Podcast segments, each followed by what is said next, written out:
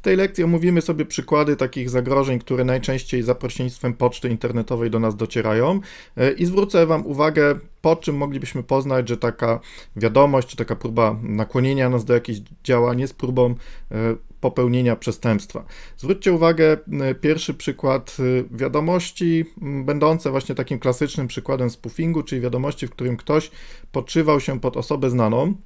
To były wiadomości, które otrzymał główny księgowy y, w jednej z firm. Y, wyglądały one jakby były wysłane od prezesa w tej firmie. Prezes był niby nadawcą, y, główny księgowy był odbiorcą, natomiast adresy mailowe, z których te wiadomości były przesłane, to były adresy w domenie, gdzie można sobie darmową skrzynkę założyć, skrzynkę anonimową aol.com widnieje jako adres mailowy nadawcy, więc to jest już coś, po czym moglibyśmy taką wiadomość od razu rozpoznać jako fałszywą. Natomiast y, co tutaj jeszcze jest zastosowane z takich y, znanych socjotechnik? Y, tak zwana reguła mm, konsekwencji czy reguła zaangażowania, która mówi, że jeżeli my jako ofiary oszustwa podejmiemy jakieś pierwsze działanie, jakiś pierwszy krok, odpowiemy na przykład już na jakiegoś niewinnego maila, to później chętniej zaangażujemy się w dalsze działania i łatwiej będzie nam podjąć kroki kolejne. I tu mamy taki przykład maila, gdzie mm, ten oszust, udając prezesa firmy, pytał się głównego księgowego, jaki jest aktualny dzisiaj kurs euro. Jeżeli ten e, odbiorca tego maila, ten główny księgowy nie zauważyłby w tym mailu nic podejrzanego, odpowiedziałby na tą wiadomość, no to jest duża szansa, że później równie chętnie odpowiedziałby na wiadomość kolejną e, i dałby się wciągnąć w jakąś dalszą interakcję.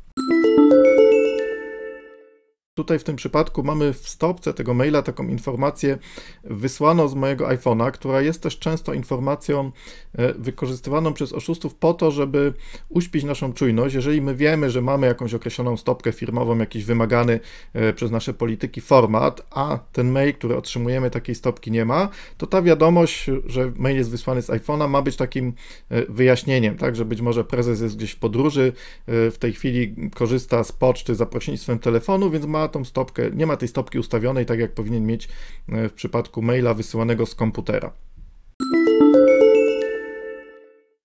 I druga wiadomość w sytuacji, gdy ktoś na tą pierwszą wiadomość e, odpowiedział, znowu taka informacja jeszcze nie e,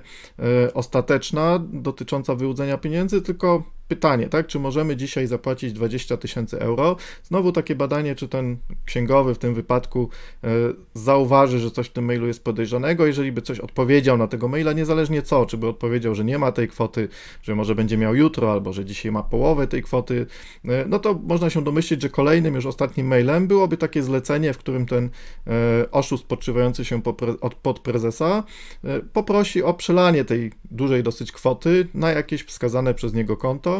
i tego typu przestępstwa są dosyć często spotykane. Tłumaczy się to w takim mailu najczęściej jakąś e, pilną transakcją, jakąś e, zapłatą, na przykład za przejęcie jakiejś spółki lub jakiś duży kontrakt, który co więcej powinniśmy zachować e,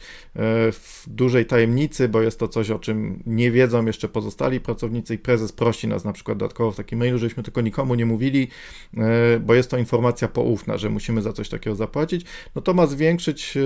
szanse powodzenia, ma zmniejszyć z kolei ryzyko, że my pytając się kogoś ze współpracowników o tą sytuację, dowiemy się, że jest to coś, co tak naprawdę nie ma miejsca. I tego typu ataki w firmach polskich dosyć często e, miały miejsce i dosyć duże kwoty zostały w ten sposób już wyłudzone.